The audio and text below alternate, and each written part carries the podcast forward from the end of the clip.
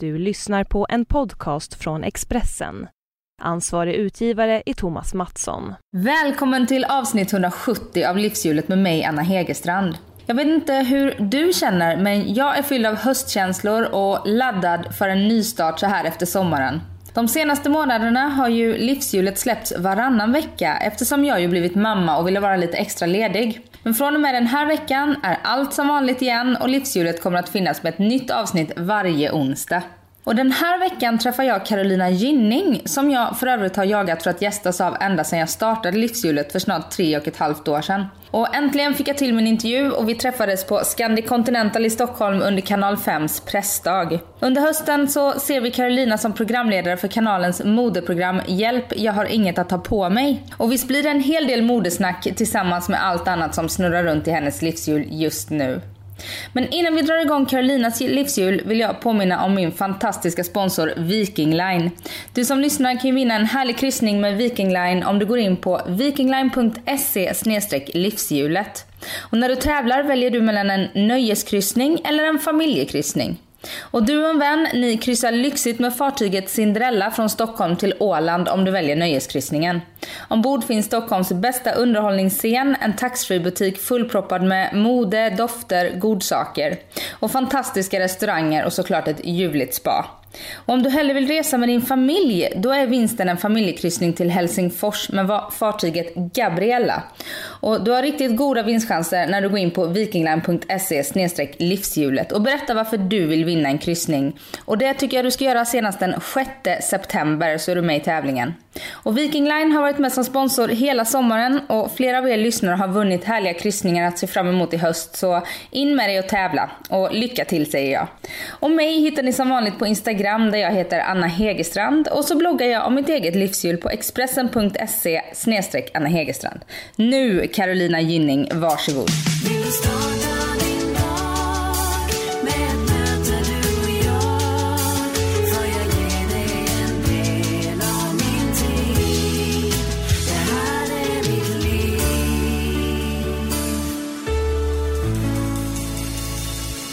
Ja. Hej! Hej! Hur mår du då? Jag mår jättebra, tack. Ja. Nu har det varit eh, sommar här ju och eh, jag har varit och rest jättemycket. Jag har varit eh, i Ibiza två gånger och Italien och ja, många olika platser. Så det har varit jätteskönt. Och nu är man tillbaka och redo för en, vad ska man säga, en väldigt fartfylld höst med mycket som händer. Mm. Och just Italien och Ibiza är väl två ställen du alltid kommer tillbaka till? Ja, det är det verkligen. I Italien eh, är ju min mamma, hon hugger ju sten i eh, Pietrasanta heter det. Det ligger ungefär en timme utanför Florens. Och eh, där, dit åker vi varje år och har gjort sedan jag var liten. Så att det är som en tradition. Och sen så på Ibiza är ju min, alltså det är mitt andra hem. Jag måste åka till Ibiza för att tanka energi så ofta jag kan. Så att där bor jag ju så mycket jag kan också. Mm. Och som jag sa innan vi slog på micken här så lyssnade jag ju på ditt sommarprat. Eh, där du säger då att Ibiza, där, där eh, känner du dig hemma för att där är ni udda fåglar. Ni samlas där. Ja, Eh, samtidigt som nu så är du ju inte en sån udda fågel längre. Du, du bor i villa och, och har dina barn och sådär och ibland så funderar du på hur blev det så här liksom. precis. Mm. Ja men det, alltså, att vara en udda fågel, det handlar ju mer om att, jag menar det kan finnas en udda fågel i ett radhusområde. Eh, det handlar inte om det, var man bor eller vad man har på sig, utan det handlar ju mer om vad som försiggår här inne i huvudet. Och du känner dig fortfarande Ja, det gör annorlunda? jag. Gud ja, gud ja. På vilket sätt då? Nej, jag känner mig... Eh, ja, jag känner, jag känner mig bara... Vad ska man säga? Kanske mer fri än många människor. I, i mitt sätt att tänka, mitt sätt att eh, leva och hur jag uppfostrar mina barn och allting. Jag tycker att Sverige är ju väldigt kontrollerat och det är väldigt... Allting ska vara på ett visst sätt och så vidare. Och, och så fort man sticker utanför den mallen så är man inte en bra mamma eller, eller klär sig inte, hur ska man säga, eh, bra för det tillfället eller, eller så vidare. Men jag kan känna att det, det alltså, vem ska egentligen bestämma det? Alltså allt sånt här är ju väldigt, det, det får man ju bestämma själv, känner jag. Hur, hur kommer det sig att du alltid har valt att gå din egen väg och, och sticka ut? Nej, För men jag, jag- upplever att det bor ju en udda fågel i mig med men Mm. eh, man sällar sig, eller man passar in i mallen liksom. Ja. Det är Eh, tråkigt. Ja, det är tråkigt. Ja, nej men alltså jag... Eh, jag känner att jag, har- alltså jag är så stark i mig själv att jag har klarat av det. Sen har jag också alltid haft föräldrar som har backat upp och som tyckte att det var okej. Och jag tror att det har en väldigt stor betydelse. Hur man uppfostrar sina barn att få vara. Alltså sätter du liksom för mycket gränser och talar om för dina barn hela tiden men så får man inte bete sig, så får man inte göra, så får man inte göra. Sen är det väl självklart, man får inte slå sin kompis eller du vet så här, men mycket, mycket annat, där, där kan man tänka mycket mer fritt. Och eh, det har mina föräldrar alltid pushat mig väldigt mycket i och det har lärt mig att eh, man, man- får vara den man är. Och, och man behöver inte skämmas för det. Man behöver inte tycka som alla andra och man behöver inte göra som alla andra. Nej. Men så sa du också att eh, när du födde ditt första barn, Alicia, att det gjorde så in i helvete ont. Och också kanske för att det beror på att du inte bara födde fram henne utan för att du födde ut eh, den gamla du, eller vad, vad man ska säga. Nej men Eh, jag tror ju, jag tror ju otroligt mycket på att saker och ting har en större mening än det vi gör just nu. Som till exempel då att jag föder barn eller att jag plockade till exempel ut mina silikonimplantat. Alltså det, det, det är alltid mycket större grejer bakom. Och på något sätt så är vi väldigt dåliga i Sverige på att eh, har ritualer och traditioner och jag menar vi går mer och mer ifrån de traditionerna vi har. Och ritualer har vi nästan inga ens. Och där kan jag känna att alltså vi behöver det för att jag menar i ditt liv så startar du ju om hela tiden. Speciellt efter att du blir mamma så blir du ju, du blir ju nästan som en liten annan person. Alltså du får andra tankar för att du har ett barn du ska ta hand om. Och på något sätt så, så kommer det smitta av sig på allting. Din klädstil, vad du kanske, du kanske väljer ett helt annat typ av jobb. Alltså, och det, det, det kunde jag känna just att, att, eh, att bli mamma där så kände jag att det, det handlade om så mycket mer än bara att, att man födde barnet just. Mm. Och det är fyra, fyra år sedan. Det är fyra år sedan ja. Ja. Och vad är det för skillnad på Carolina idag då? Mot innan du blev mamma? Nej men alltså det, det, det, är, väl, det är väl mest ansvarskänslan eh, känner jag. För sen så kommer man ju sakta till, till, eh, och säkert tillbaka till sitt gamla jag, mer eller mindre. Men sen så är det den här otroliga oron som jag tror att alla föräldrar lever med, som är helt fruktansvärd. Alltså jag, sen jag fick barn så har jag ju blivit världens oroligaste människa. Alltså jag oroar mig för så mycket och det är så hemskt att hela tiden behöva tänka Ja, men vad händer om jag får cancer och dör? Vad händer om jag nu när jag går till Ibiza så störtar planet? Eller vad händer om det händer barnen någonting? Alltså liksom de här gnagande tankarna som man har hela tiden. Och vi, vi får ju också läsa skit överallt. Alltså i varenda tidning vi slår upp, och, alltså det, det, är bara, det är bara negativt hela tiden. Alltså man blir ju tokig. Och speciellt då precis när man har fått barn. Som du säkert kommer uppleva nu då, när, eftersom du precis har blivit mamma. Mm. Ja, jag har gråtit i en månad. Ja, Av har det. oro, ångest, lycka, alla de här Ja, alla de här känslorna. Ja. Och, det, och det är väldigt jobbigt. Och, det, och det hänger tyvärr kvar ganska mycket. Och det var ingen som varnade mig för det innan jag fick barn och sa så här. Carolina, när du väl får barn så kommer du bli ett nervvrak. som alltid kommer gå runt och bara oroa dig resten av ditt liv. Det var det ingen som sa. Men, eh, men så är det ju verkligen att ha barn. För jag menar, jag känner ju också det att jag menar, nu är det ju de här problemen man oroar sig för. Men sen när de växer upp och blir tonåringar, kan jag ju bara för, liksom, för, förstå vad det är för bekymmer man kan tänka sig då som skulle kunna hända. Det är bara att gå tillbaka till sig själv. Ja. Vad man hade för bekymmer då. Man vill ju inte ens tänka på det på något sätt. Men eh, så är det ju att skaffa barn och det måste man ju kanske prata om lite mer, tycker jag. Mm. Och just när det kommer till det här att eh, du nämnde att man kanske byter klädstil och sådär. Du, du är aktuell med ett program som heter Hjälp, jag har inget att ha på mig. Nej, precis. Och det där kan jag ju känna igen då. När man har gått från att vara gravid i nio månader Ja. till att då bli av med alla de här kilorna. Men att kroppen inte alls ser likadan ut.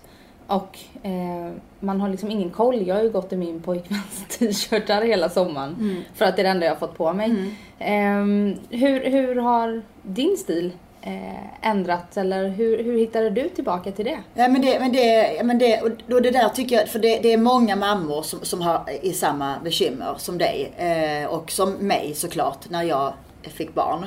Eh, men jag tror att det, känns, det är väldigt viktigt att behöva få de där, få tillbaka de där gamla pusselbitarna om vem, vem man faktiskt är.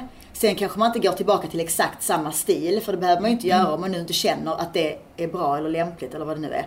Men på något sätt så måste man ju hitta tillbaka till den man är. Och jag är ju en otroligt kreativ själ. Jag gillar att skapa, jag gillar oftast mycket färg. Nu är jag dagen till ära helt svartklädd här. Men det var bara för att jag tyckte det var så tråkigt väder i morse så jag fick så ingen, ja, vädret. jag fick ingen inspiration. Men, eh, men annars så har jag alltid jättefärgglada kläder och jag är ofta sådär. Eh, tycker det är väldigt härligt, precis som mina tavlor.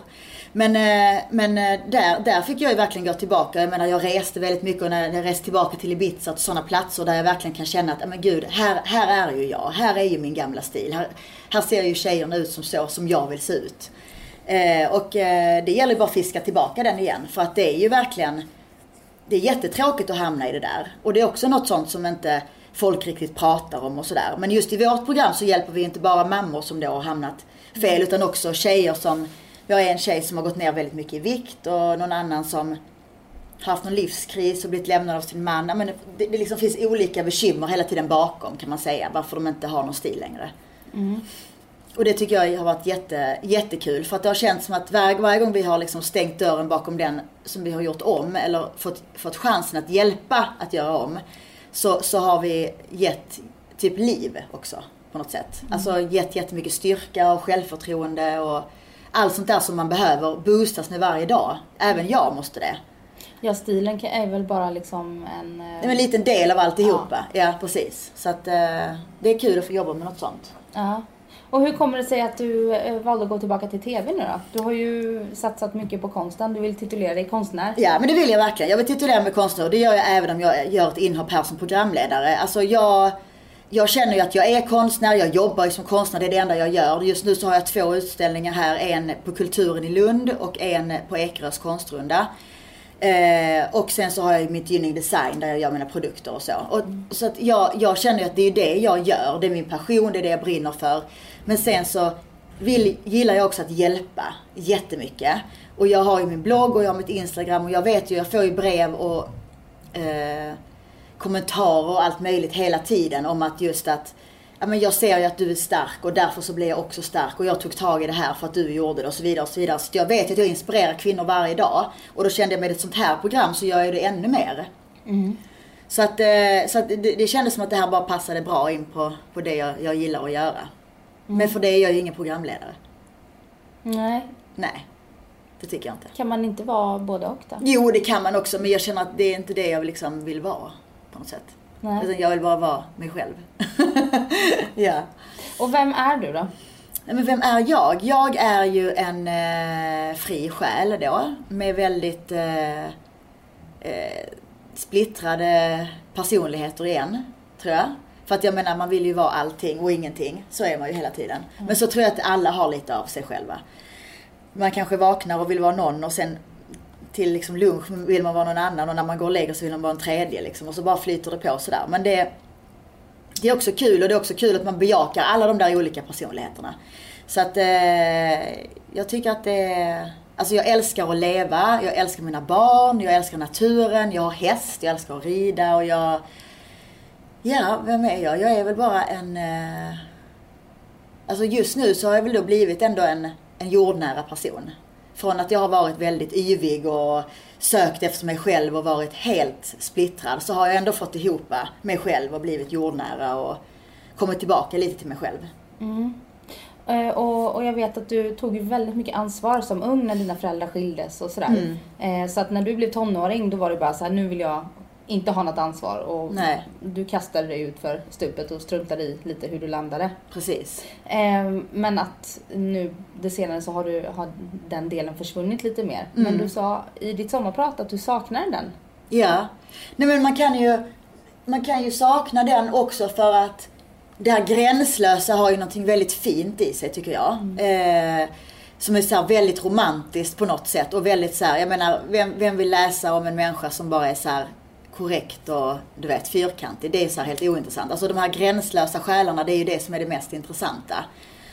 Eh, men samtidigt när man får barn just så kan man ju inte vara den personen på samma sätt. Man måste sätta liksom gränser. Och, eh, och det är ju också bra för mig som är sådär fri, att jag, att jag har det.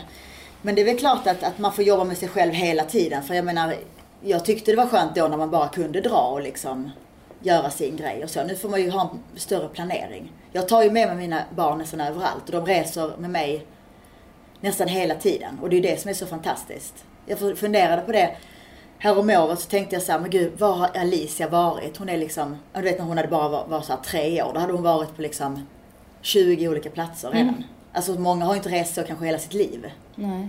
Så sånt tycker jag det är lite coolt för att jag tror det gör att hon kommer bli en jävligt cool människa. Mm. Man får se mycket från tidig ålder. Jag tänker, du har ju haft en del ångest och har. Jag har väldigt mycket ångest ja. Ja. Mm. Hur jobbar du med den, eller gör du det? Jo, men jag försöker jobba med det varje dag. Men det är därför till exempel jag har min häst. Alltså stallet är väldigt ångestbefriande. Innan så var det ju måleriet som var ångestbefriande för mig. Nu är det mitt jobb.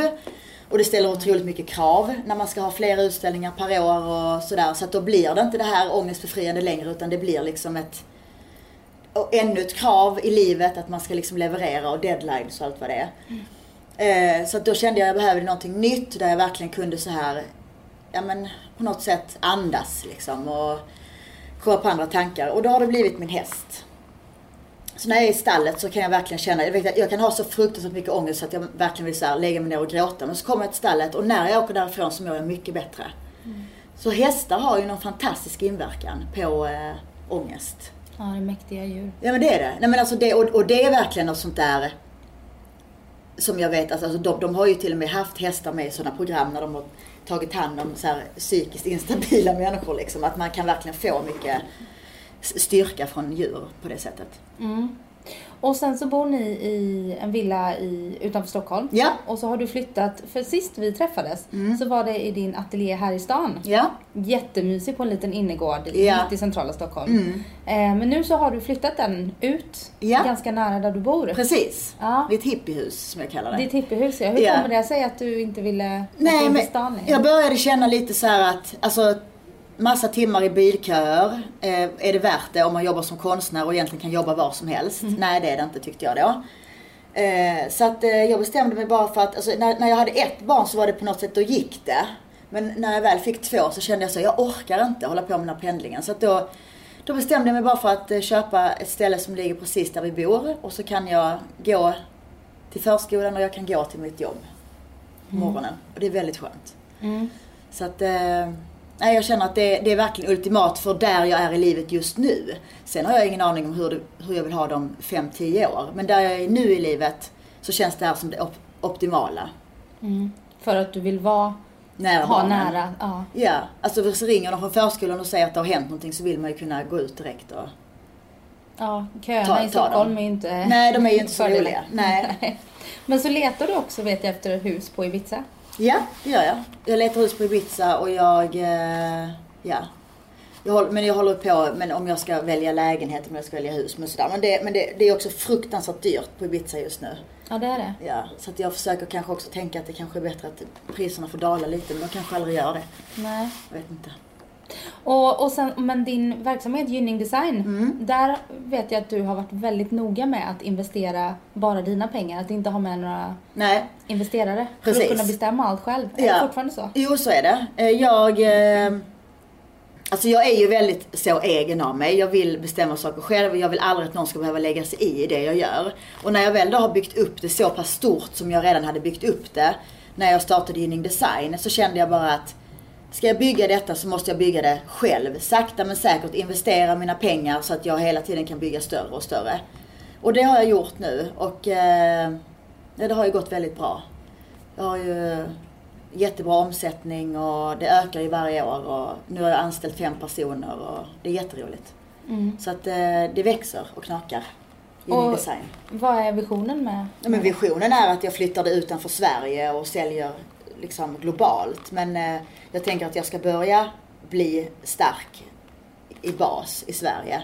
Norge, Danmark, Finland och sen ut. Mm. Och, och hur stark är du på marknaden nu då? Jag tycker jag är väldigt stark för jag, nu har vi runt 300 butiker som säljer mina grejer. Och vi har en stark webbshop.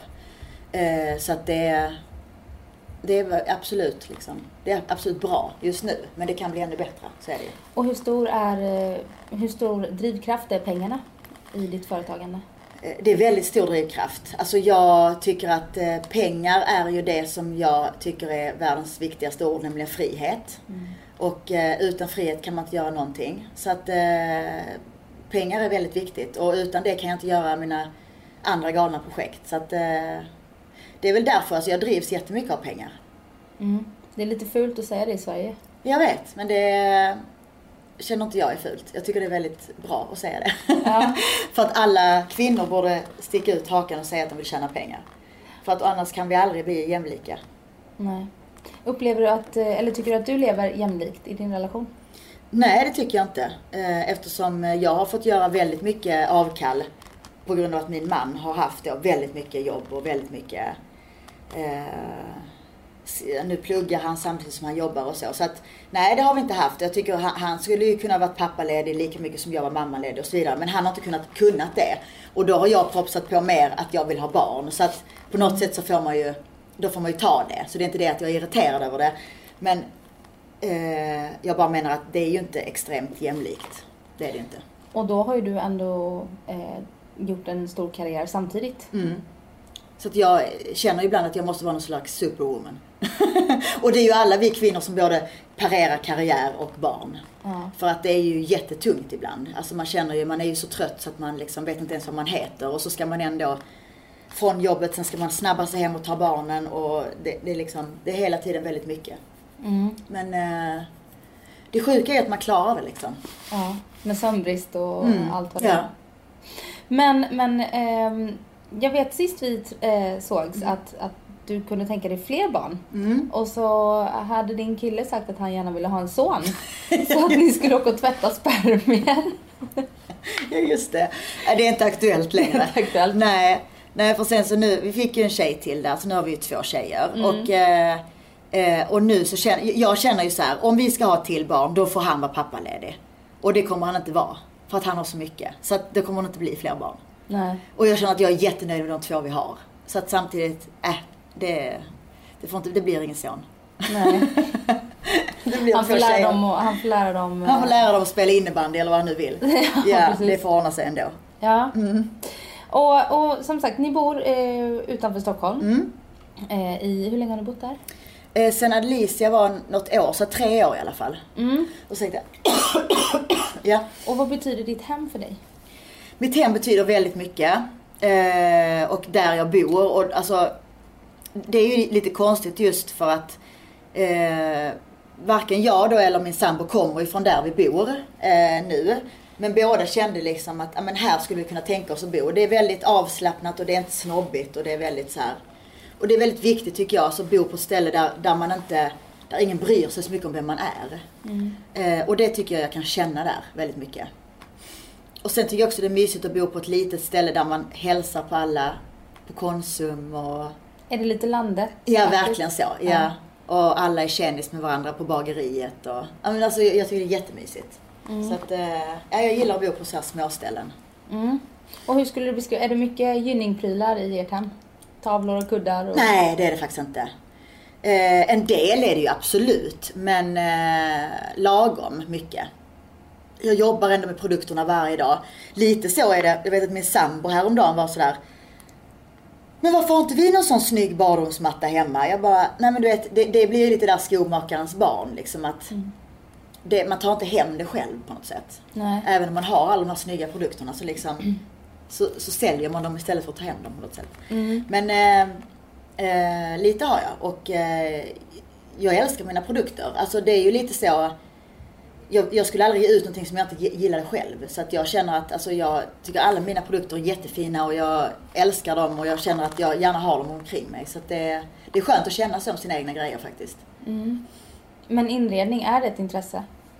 Ja, gud ja. Absolut. Ja, hemma ja. privat också. Ja, gud ja. Alltså jag, men nu har vi två helt olika stilar för att jag har ju, min ateljé där är det ju väldigt bohemiskt och lite, eh, ja en stil om man säger så. Eh, och sen så hemma så har jag ju en mer klassisk stil. Ljust och fräscht eller? Ja, lite ljust och fräscht. Men det, det är också för att det passar med den villan om man säger som vi har. Och det är ju lite så, eh, när man ska inreda så får man ju lite anpassa sig efter det man har att inreda lite grann. Mm. Men det är du som sköter det eller lägger sig din sambo i? Nej, han lägger, lägger sig faktiskt inte i så mycket utan det är mest jag som sköter det. Mm, gud, vad skönt. eh, ja, det är skönt faktiskt. Eh, men han, han ska inte göra det heller för att när jag träffade honom så hade han inte så fint. Ungkarlslya. Ja, men lite så. Alltså väldigt så här, man bara, gud vad omysigt. Men det är ju hur länge har ni varit tillsammans nu? Eh, fem år tror jag. Sex år tror jag nu. Fem år. Jag kommer ihåg att vi var nere på Mallorca på Puro tillsammans när ni precis hade träffats. Ja, då var han, då var han med, precis. Ja, Ja, ja, ja, det var precis, ja just Det det. var precis då. Var det sex år sedan? Det här var 2010. Ja, det var det. Mm, det är sex år sedan ja. Ja. Och då var ni nykära. Då var vi nykära. Då var ni det här nya paret liksom. Då kommer jag ihåg att jag intervjuade dig. Ja, gud vad roligt. Ja. Ja. Och, och ett tips till mig nu då som, som har en en månad gammal liten bebis. Som Hur är pojke eller flicka? En liten pojke. Det är pojke. Grattis, Mm. så mysigt. Ja, det är jättemysigt. Ja. Men det är samma sitter, jag har precis ammat nu innan jag gick in här. Så Jag nu förstår det. sitter jag med kräks på tröjan. Ja, ja, så jag ja, kommer ja. ha svart nu ett tag. Ja, ja, jag förstår det. Nej, nej. Men, men hur tar man sig igenom småbarnsåren och fortfarande håller liv i relationen? Ja, nej, men det är jättetufft alltså. Och det är många gånger både jag och Alexander har väl frågat oss själva om vi liksom ska fortsätta det här. För att, för att det är väldigt, alltså det, det krävs ju väldigt mycket. Alltså, man, man, eh, när man ses, båda är trötta. Det är lätt att bara gnälla på varandra om allting. Istället för, alltså, och jag menar, gnäller man på, på varandra tillräckligt mycket så blir det ingen kärlek kvar. Så man måste ju på något sätt försöka uppmuntra varandra på något sätt och ja, ha någon egen stund tillsammans eller sådär. Men det är jättesvårt i början när man precis har fått barn. Alltså när du är som i din situation så är det ju, det blir väldigt mycket bebis då. Ja, och sen upplever jag, eh, eftersom jag ammar, att jag får den otroliga närheten hela tiden. Så att jag behöver inte den från, Från en kille, nej. från min kille Nej. just nu. Medan han får ju ingen närhet för han, Nej. han behövs ju inte av barnet liksom. Nej, nej. sätt. Men så, så kände jag, så kände jag, så har jag känt med båda mina också. Och det är ju, det är ju lite pappans roll där, tyvärr. Ja. Blir det ju. Men eh, samtidigt så Det är bara så man inte låter det gå liksom. Nej, men det får man inte göra. Det får man Nej. inte göra. Det är viktigt. Och sen så också försöka komma iväg på någonting själva och sådär. Även om det... Jag tycker det är jättejobbigt att lämna bort barnen fortfarande. För att jag känner så här. Nej men för att jag tänker ju så här liksom att ja, men livet är ju ändå ganska kort och det kan ju bli jättekort. Man har ju ingen aning om hur länge vi finns här. Så då känner man ju hela tiden liksom att varje minut vill jag ju vara med dem jag älskar mest. Och de jag älskar mest är ju mina barn. Och då kan jag känna så här. För det att åka på en weekend i Paris liksom och kanske riskera att bli överfallen av någon terrorist. Och sen så både mamma och pappa borta. Ja men förstår du vad jag menar? Man har ändå de där tankarna hela tiden. Det känns inte som jag skulle kunna åka dit och bara njuta nu. Utan jag är mer hela tiden bara, jaha vad kan gå fel? Och det är jättetråkigt man blir så, men så, så blir man ju faktiskt lite. Ja, man tänker innan att barnet ska inte vara några hinder. De får följa med på resor och, Ja. och, och liksom bara vara en liten parentes. Men sen det blir ju hela livet. Ja, så är det ju verkligen. Och det, det är väldigt... Eh, nej men det är väldigt svårt det där. Alltså, jag, men jag, jag är ju kanske också extrem mammi av mig. Alltså Ja, jag vill verkligen, ja, ja jag är väldigt så, jag vill ha dem här hela tiden. Så att jag är, alltså det, det tar ju emot för mig att tacka ja till sådana här produktioner som jag har varit i nu. Just för att jag tycker att det är jobbigt att vara från barnen. Eh, men nu visste jag, vi spelade in under fem veckor. Och då kände man ju verkligen att, ja men nu får jag bita ihop bara och spela in det här och sen kommer jag vara supermamma efter det. Ja. Men, eh, men det, det, det tar emot för jag, jag är så jäkla så här, vill vara nära hela tiden. Hur gör ni då när det är så intensivt och din sambo både pluggar och jobbar? Ja, då får vi tar hjälp. in barnvakt? Ja, det har, då har vi haft hjälp av en barnflicka. Ja, Mm. Nej, annars har det inte, hade det inte gått. nej. Så då har vi i alla fall fått göra så att hon har hämtat på förskolan vissa dagar i alla fall. Så att eh, vi har kunnat få ihop våra liv. Mm. Men det, det gör jag ju bara när jag måste, måste, måste liksom. Och som till exempel en sån här produktion. Sen så nu när jag har mitt måleri och min design. Nu är det en sån period när jag verkligen kan både hämta och lämna hela tiden. Så nu behöver jag ju inte det. Nej. Så att då har jag ingen heller. Så har jag liksom när det behövs. Ja. Och verkligen är nödvändigt. Upplever du att du har balans i ditt liv just nu mellan jobb och fritid, Ja, egen tid? ja men det, det känner jag ändå. Alltså det, det, är ju, det är ju fortfarande så att jag väljer ju bort mina vänner för barnen hela tiden. För att jobbet och barnen det är mina viktigaste. Och sen får liksom vännerna och allt det där komma kanske lite mer sen igen. För att nu känner jag de här åren man har när barnen är små, de är så otroligt viktiga. Så att eh, jag är väl kanske inte den roligaste just nu liksom sådär. Sen var jag ju helt galen på Ibiza liksom när jag är där själv, alltså några dagar. Men, men när jag väl kommer hem och då är jag liksom, då är jag mamma Carolina och jag är så här mysmamman. Mm. Och det är skönt att få vara det. Och så skönt att ha kontrasten också. Ja, och sen är det viktigt att man har vänner som förstår det också. Ja, gud ja. Så är det verkligen. Så att det blir ju så. Man har ju kvar de som, som, som förstår det. De andra försvinner ju. Ja. Och sen när vi går in efter en sommar eh, i det här livshjulet då som vi pratar om. Ja. Eh, hälsa och Ja. den biten. Ja. Just eh, kost, motion, sömn, allt som ingår i det. Hur Jag, jag, är ju, jag, jag, jag, är ju jätteduktig. Alltså jag, jag är ju duktig så för att jag tränar med PT tre dagar i veckan. Och sen Oj. så rider jag ju tre dagar i veckan. Så att jag, jag, jag är ju väldigt aktiv person. Plus att jag sitter ju aldrig still normalt sett heller. För att målar man så springer jag ju runt och håller på hela tiden. Så att jag är ju väldigt aktiv. Eh, kosten däremot har jag ju varit fruktansvärt dålig på. Alltså i flera år så har jag varit så att jag hellre äter en kexchoklad än att ta en middag liksom. Ja. Och det är ju bara så fel. Alltså, men jag har varit så här bara kexchoklad i en liten förpackning eller typ nu, nu, nu, jag ska inte göra reklam för dem, liksom jag har ingen spons från dem. Men du vet så här, vilket choklad som helst, förstår du? För det är så här, det ligger i en liten förpackning och liksom det är bara att köra in i munnen. Allt annat måste man laga, det tar tid och liksom sådär. Så att jag har verkligen varit så, jag jag har levt så onyttigt. Men sen så Eh, I somras så hade jag faktiskt ett uppehåll i sex veckor socker, utan socker. Och det klarade jag faktiskt ändå bra. Då var jag så här, jag bara sa till mig, men du slutar med socker. Och så slutade jag bara sex veckor. Men sen så nu har det börjat komma tillbaka lite igen. Men jag tror det är så här, nu börjar man så lite jobbstressen, man kommer in och då vill man gärna ha lite socker igen. ja, och trist väder. Och trist väder, Man ja. behöver ju äta mer. Ja. Men du har ju varit öppen om din ätstörningsproblematik som du har haft innan. Ja. Upplever du att den är eh, helt borta? Ja, eh, faktiskt. Alltså jag, jag, känner inte, alltså jag känner mig ändå nu, liksom, även om inte jag är så här, som ett streck, så känner jag mig ändå nöjd med mig själv. Och jag känner att jag hellre vill ha så här muskler än att vara pinsmal. Så att jag, jag känner inte att, jag känner liksom inte det här längre att jag tänker så, åh gud, om jag, om jag ska äta allt det här på den här tallriken. Jag känner verkligen att, men, åh gud, mat, bra, jag behöver det för att växa och bli starkare och sådär. Ja. Så att, eh, ja, nej jag tycker att jag har fått en mycket, mycket bättre relation till mat. Och, eh, men det tror jag också har att göra med att jag tränar mycket. För att du kan inte träna så mycket, så hårt som jag gör och inte äta. För då, då skulle jag skulle inte kunna prestera någonting. Nej. Och jag har ju en PT som står där och skäller och gnäller så att Som inte är okej med att du käkar en kexchoklad istället för middag. Nej men som inte är okej med att jag typ i så fall svimmar för att jag bara ätit en kexchoklad. Nej. Utan man måste ju på något sätt liksom ha den här nyttiga maten. Mm. Men eh, lite så grann så, jag vet Brita Zackari sa det, hon bara, nej men om man tränar får man äta vad man vill. Mm. Och det brukar jag faktiskt tänka. Så att lite så känner jag så, och så här på hösten och vintern, man gömmer sig ändå under någon stor typ tröja. Så att då kan man käka lite vad som helst. Så kan man börja liksom bli lite duktigare precis innan sommaren igen. Mm. Och men just utseendet, det har ju varit en väldigt viktig del i din karriär. Du har gjort karriär på det. Mm. Absolut. Och, och det är ju fortfarande en viktig del, Ja. även om du inte baserar din karriär på det. Absolut, absolut. Är det upplever du att det är viktigt eh, Eh, för dig?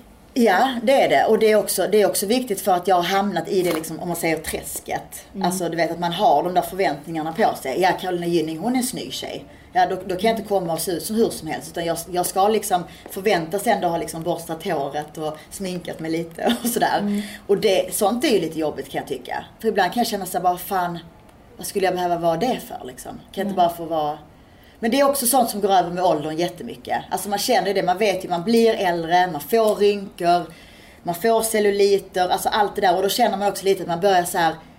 jag kommer inte hinna, alltså på något sätt, eh, jag kommer inte hinna ikapp. Jag kommer inte hinna fixa allt det här. Det rasar snabbare än jag hinner fixa det.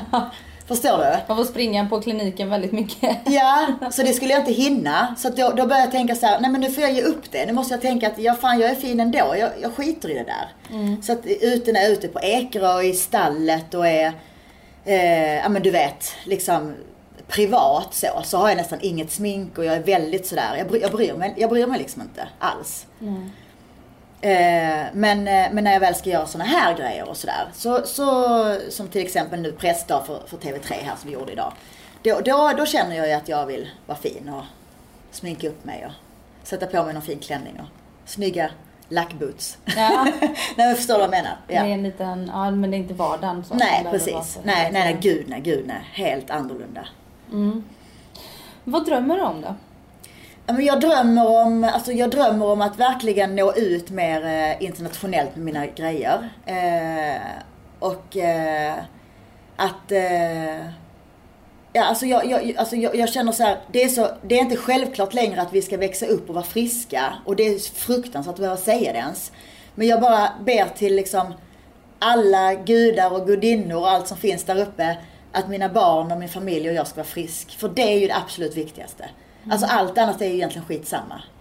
Eh, så att det, det hoppas jag. Mm. Och jag vet, din bror fick ju cancer. Mm. Hur har det, vad har det satt för spår i dig? Nej men det har verkligen, det har verkligen satt det att, alltså det är, ju, det är ju, jag menar jag har den här otroliga drivkraften och jag vill bli superrik och jag vill bli superframgångsrik och jag vill ta över världen på alla sätt men samtidigt har jag ju den där rösten som säger, ja men Carolina det viktiga är att du bara är frisk. Så att eh, alltså, och jag menar och efter man får barn så blir det ännu viktigare att de är friska. Så att jag, jag känner ju ändå det att, att efter Pontus då hade den där sjukdomen ett tag, vilket var jättejobbigt. Så, så känner jag att att det viktigaste är att, att vi, vi får vara friska och, och ha ett långt och bra liv tillsammans. Och det är väldigt, alltså det är väldigt, det är ju väldigt nyttigt liksom att gå igenom sådana där perioder i livet också. Men Du säger att ja, jag drömmer om att bli superrik och superframgångsrik. Du är ju redan, vad jag har förstått, både rik och framgångsrik. kan du inte se det? Nej, det kan jag faktiskt inte. Nej, jag tycker absolut inte jag är rik. Eller framgångsrik. Än. Alltså jag vet ju att jag är framgångsrik, men jag kan, inte, alltså jag kan inte se det som att jag är, nej, nej, utan jag så, alltså jag, jag känner typ att jag är, alltså jag är lite i början. Jag tror det är där drivkraften ligger också. Ja. Som hela tiden vill Ja, vidare. gud ja. Jag känner liksom, alltså så här, jag är, jag är väldigt, alltså så här, på de lägsta grenarna på ett träd liksom. Jag måste bara så här, upp och ta över hela trädet. Men hur mycket pengar krävs det då och hur mycket framgång krävs det för att du ska... Var nöjd? Ja. Uff, det krävs nog mycket. Nej men alltså jag, precis, det, är- det, det är där som du säger. Jag tror att det är där drivkraften sitter och det är där som men det är också det att jag, jag, har, alltid, alltså jag har alltid känt så här att det finns liksom inga hinder. Alltså det finns inga, det finns inga så här, "Ja, men det kan väl inte jag eller det kan väl, alltså du kan göra precis vad du vill. Alltså det har jag, alltså jag har aldrig haft någon sån spärr att jag inte kan eller jag, utan jag bara säger jag gör precis vad som helst. Och det är så skönt att ha, att ha den tanken. Jag vet att läser man om många framgångsrika människor, för jag, man, jag älskar att läsa just alltså, dokumentära böcker. Det är ju så himla spännande att läsa om folks liv. Och ofta när man läser om framgångsrika personer så har de ju någon slags liten diagnos liksom på det här att Nej men du vet, jag, jag kan bli hur stor som helst. Alltså det, det finns liksom inga gränser. Alltså att det är så här, de, de nöjer sig inte med någonting eller de liksom och det, det Man tror måste nog vara lite gränslös Och så väldigt satsa. orädd, ja. Alltså verkligen så. Och, och, och jag tycker att just som jag har fått in det här liksom med, med ridningen och sådär för att där, eh, där måste man ju vara väldigt orädd. För att, att rida och hoppa hinder som jag gör då eh, är ju jättenervöst och jätte, alltså farligt också, absolut. Eh, och eh, där får man jobba väldigt mycket med sina rädslor. Och det kan jag känna så här, det är så himla bra att göra det där för att då kan man också lägga det på sitt riktiga liv. Och det, det kan jag tänka mig är så himla bra med alla sporter. Att man just så här kan, kan ta det till sitt, appellera det på sitt riktiga liv och sen tänka därifrån. För att det var ju som liksom en väninna, väninna sa till mig när jag hade ett så här jättesvårt beslut. Så sa hon så här, men don't be afraid to jump. Och det är ju lite så här, du sitter på hästen och så närmar du dig hindret och så tänker du bara så här, ja men jag dör nu. Alltså nu kastar han av mig, nu är det kört liksom. Men du kommer över och, och du är okej. Och det är det där, alltså jag, jag, jag försöker tänka på det varje dag. Jag menar jag tar stora beslut i mitt företag och, eh, och sådär varje dag. Och jag försöker bara, bara tänka, enda tanken är bara don't be afraid to jump. Och det är så jäkla bra. Och det enda sättet att, komma över sin rädsla är ju att utsätta sig för den. Ja, hela tiden. Ja, Ja. så är det. Jag tänker vi ska avsluta och prata om lite om andlighet. Ja, Och ditt medium Benny. ja. Som du ska här i höst ha någon eh, live eh, show med eller Ja, vid ett tillfälle? Ja, nej precis. Nej, han, ja, han ska ha en sån seans då. Eh, som det heter när han då pratar med, med människors döda och så. Och jag, jag, jag, jag ska mer vara där och bara bli intervjuad. Om min egen andlighet och sådär. Så att eh, jag ska inte vara med och, i seansen. Även om jag hade gärna velat det. Men det, men det, det kan jag inte. Berätta om din andlighet. Nej men jag, alltså jag har känt ända sedan jag var liten att, att vi inte är, alltså det är inte bara det som finns här utan vi är verkligen eh, alltså i något mycket, mycket större. Och jag, eh, alltså jag, jag har alltid tänkt på att det är som stora energiflöden som, som flödar och den energin du har och ger till världen och den energin jag har, allting påverkas. Och allting påverkar hela jorden. Eh, och det, när man tänker så, det är väldigt spännande. Och det är väldigt, alltså jag tror på det väldigt mycket för att jag menar, ensam har du ju inte någon power liksom, utan det är ju det här globala liksom som gör att man eh, kan förflytta saker på något sätt. Och eh, jag har alltid känt att jag är så delaktig i det där. Och det har jag också gjort tror jag att jag känner en väldig så här eh, respekt för alla andra människor och för naturen och för allt som, alla djur och allt som vi har på vår planet. Eh, och eh, jag tror det väl det är så det började. Men sen så har det ju varit också då mycket att så fort det har hänt jobbiga olyckor och så i världen så har jag ju mått fruktansvärt dåligt. Och det är också för att jag är så här, jag har kollat upp det här, jag tror att jag är så här highly sensitive person, heter den här diagnosen då. Eh, och då är det att man är väldigt, eh, väl, alltså tar, tar in alldeles för mycket de här energierna som händer runt dig. Och det är skitjobbigt att vara så för att jag har ju då som till exempel innan Estonia hände, innan September 11 så har jag så här mått dåligt säkert en månad innan och jag har inte vetat vad det var. Och jag har bara känt att ja, men det är någonting som kommer hända. Och, och, och, det, och jag vet ju att det handlar inte om mig själv för att jag vet ju alltid att det är mycket större än så. och sen så... Och sen så då har de här sakerna hänt och nu, nu på senaste tiden när bara det har kört ihop sig så himla mycket med allt det här i Nice och allting. Alltså jag har ju varit, åh, jag har mått så dåligt. Jag var ju på Ibiza och hade utställning och ville bara må bra liksom för att jag menar jättehäftigt att få en utställning på Ibiza första gången och så vidare. Och så hände allt det där. Så jag gick ju bara runt och mådde dåligt hela tiden. Jag kände bara så här Usch, jag får sånt meddelande med alla människor som, som förlorar sina anhöriga och åh, det är hemskt. Hur hanterar du det? Nej, jag, alltså. Jag, jag får ju försöka att så här. Lite det där don't be afraid to jump. Att liksom göra saker även om jag mår dåligt. Alltså jag kan ju känna att jag mår skit och så måste jag ändå åka och göra en intervju eller jag måste ändå göra någonting. Men jag får liksom bara åka och göra det. Så det är lite så jag hanterar det. Att jag får bara lära mig att leva med det och jag får bara ta tag i mitt liv. Eh, Men hade jag inte varit så stark som jag är liksom i samband med att jag är det där andra, då hade jag nog kunnat gå under på många sätt. För att jag är ju så extremt känslig. Ja, och jag tänker du har ju sån rädsla att det ska hända dina barn någonting Ja, och sådär. ja. När du börjar må dåligt då. Ja. Så lika väl som det är en Estonia-katastrof så skulle det kunna vara någonting som drabbar dina barn. Ja, då. gud, ja. Tänker du de tankarna med? Ja men gud ja. Alltså nej men jag, alltså det, det är ju därför jag är så otroligt nojig. Men det är ju det, alltså det är det är ju verkligen, det är jätte, jättejobbigt att vara, att vara en sån här människa. Men jag tror att, jag tror att alla mammor kan säkert känna igen sig. Eh, lite i alla fall. Och sen så tror jag alla har det mer eller mindre. Men, eh, men jag är ju ett extremfall då. Eh, men det är alltså, tyvärr så går det inte att göra någonting åt det. Antingen får man äta medicin och det vill jag inte göra. Så att jag väljer ju att leva med det. Men att försöka då ha häst, gå till stallet, alltså försöka hitta mina egna sätt att komma över det. Jag mediterar. Jag försöker göra yoga fast på mitt sätt. Alltså jag är inte så här att jag bara måste göra perfekt som någon yogi. Eller du vet, jag, jag, jag bara sätter mig i någon yogaposition och försöker vara lugn och tänka positiva tankar och sådär. Och göra sånt för att må bra istället. Så att, eh, jag tror att man måste hitta sina egna sätt och när man är 37 så har man hittat ganska många bra sätt. Och det är skönt. Ja. Som tur är. Det är det bästa man blir äldre, att man blir ja. lugnare. ja, man blir lugnare och visare liksom. Om Ja. sig själv. Vad tycker du annars om din ålder? Är du kompis med den? Ja, jag är otroligt kompis med min ålder. Jag tycker det är så skönt att, eh, att bli äldre. Just för att man blir smartare för varje år. Och sen så också tycker jag så här att... Ja, men jag tycker att så här, äldre kvinnor kan vara så jävla snygga.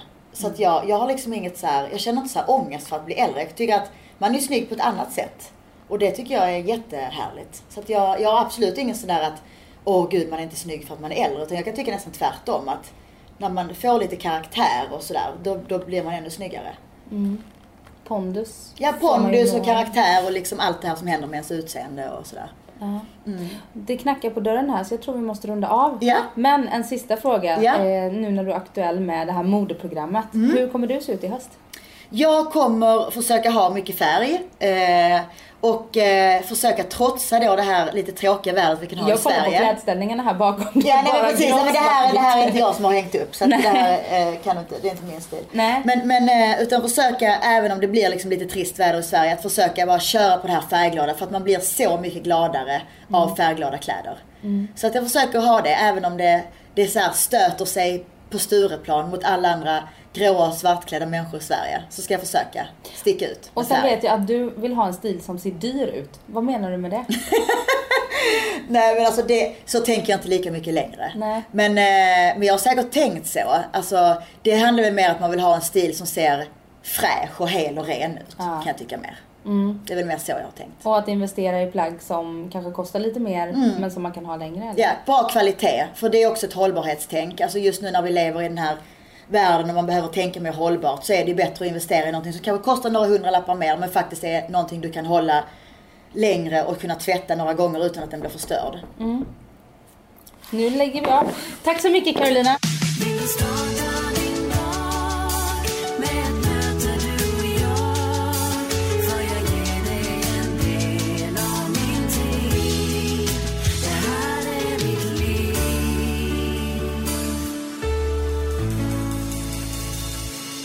Du har lyssnat på en podcast från Expressen. Ansvarig utgivare är Thomas Mattsson. Nu är den stora färgfesten i full gång hos Nordsjö Idé och Design. Du får 30% rabatt på all färg och olja från Nordsjö. Vad du än har på gång där hemma så hjälper vi dig att förverkliga ditt projekt. Välkommen in till din lokala butik.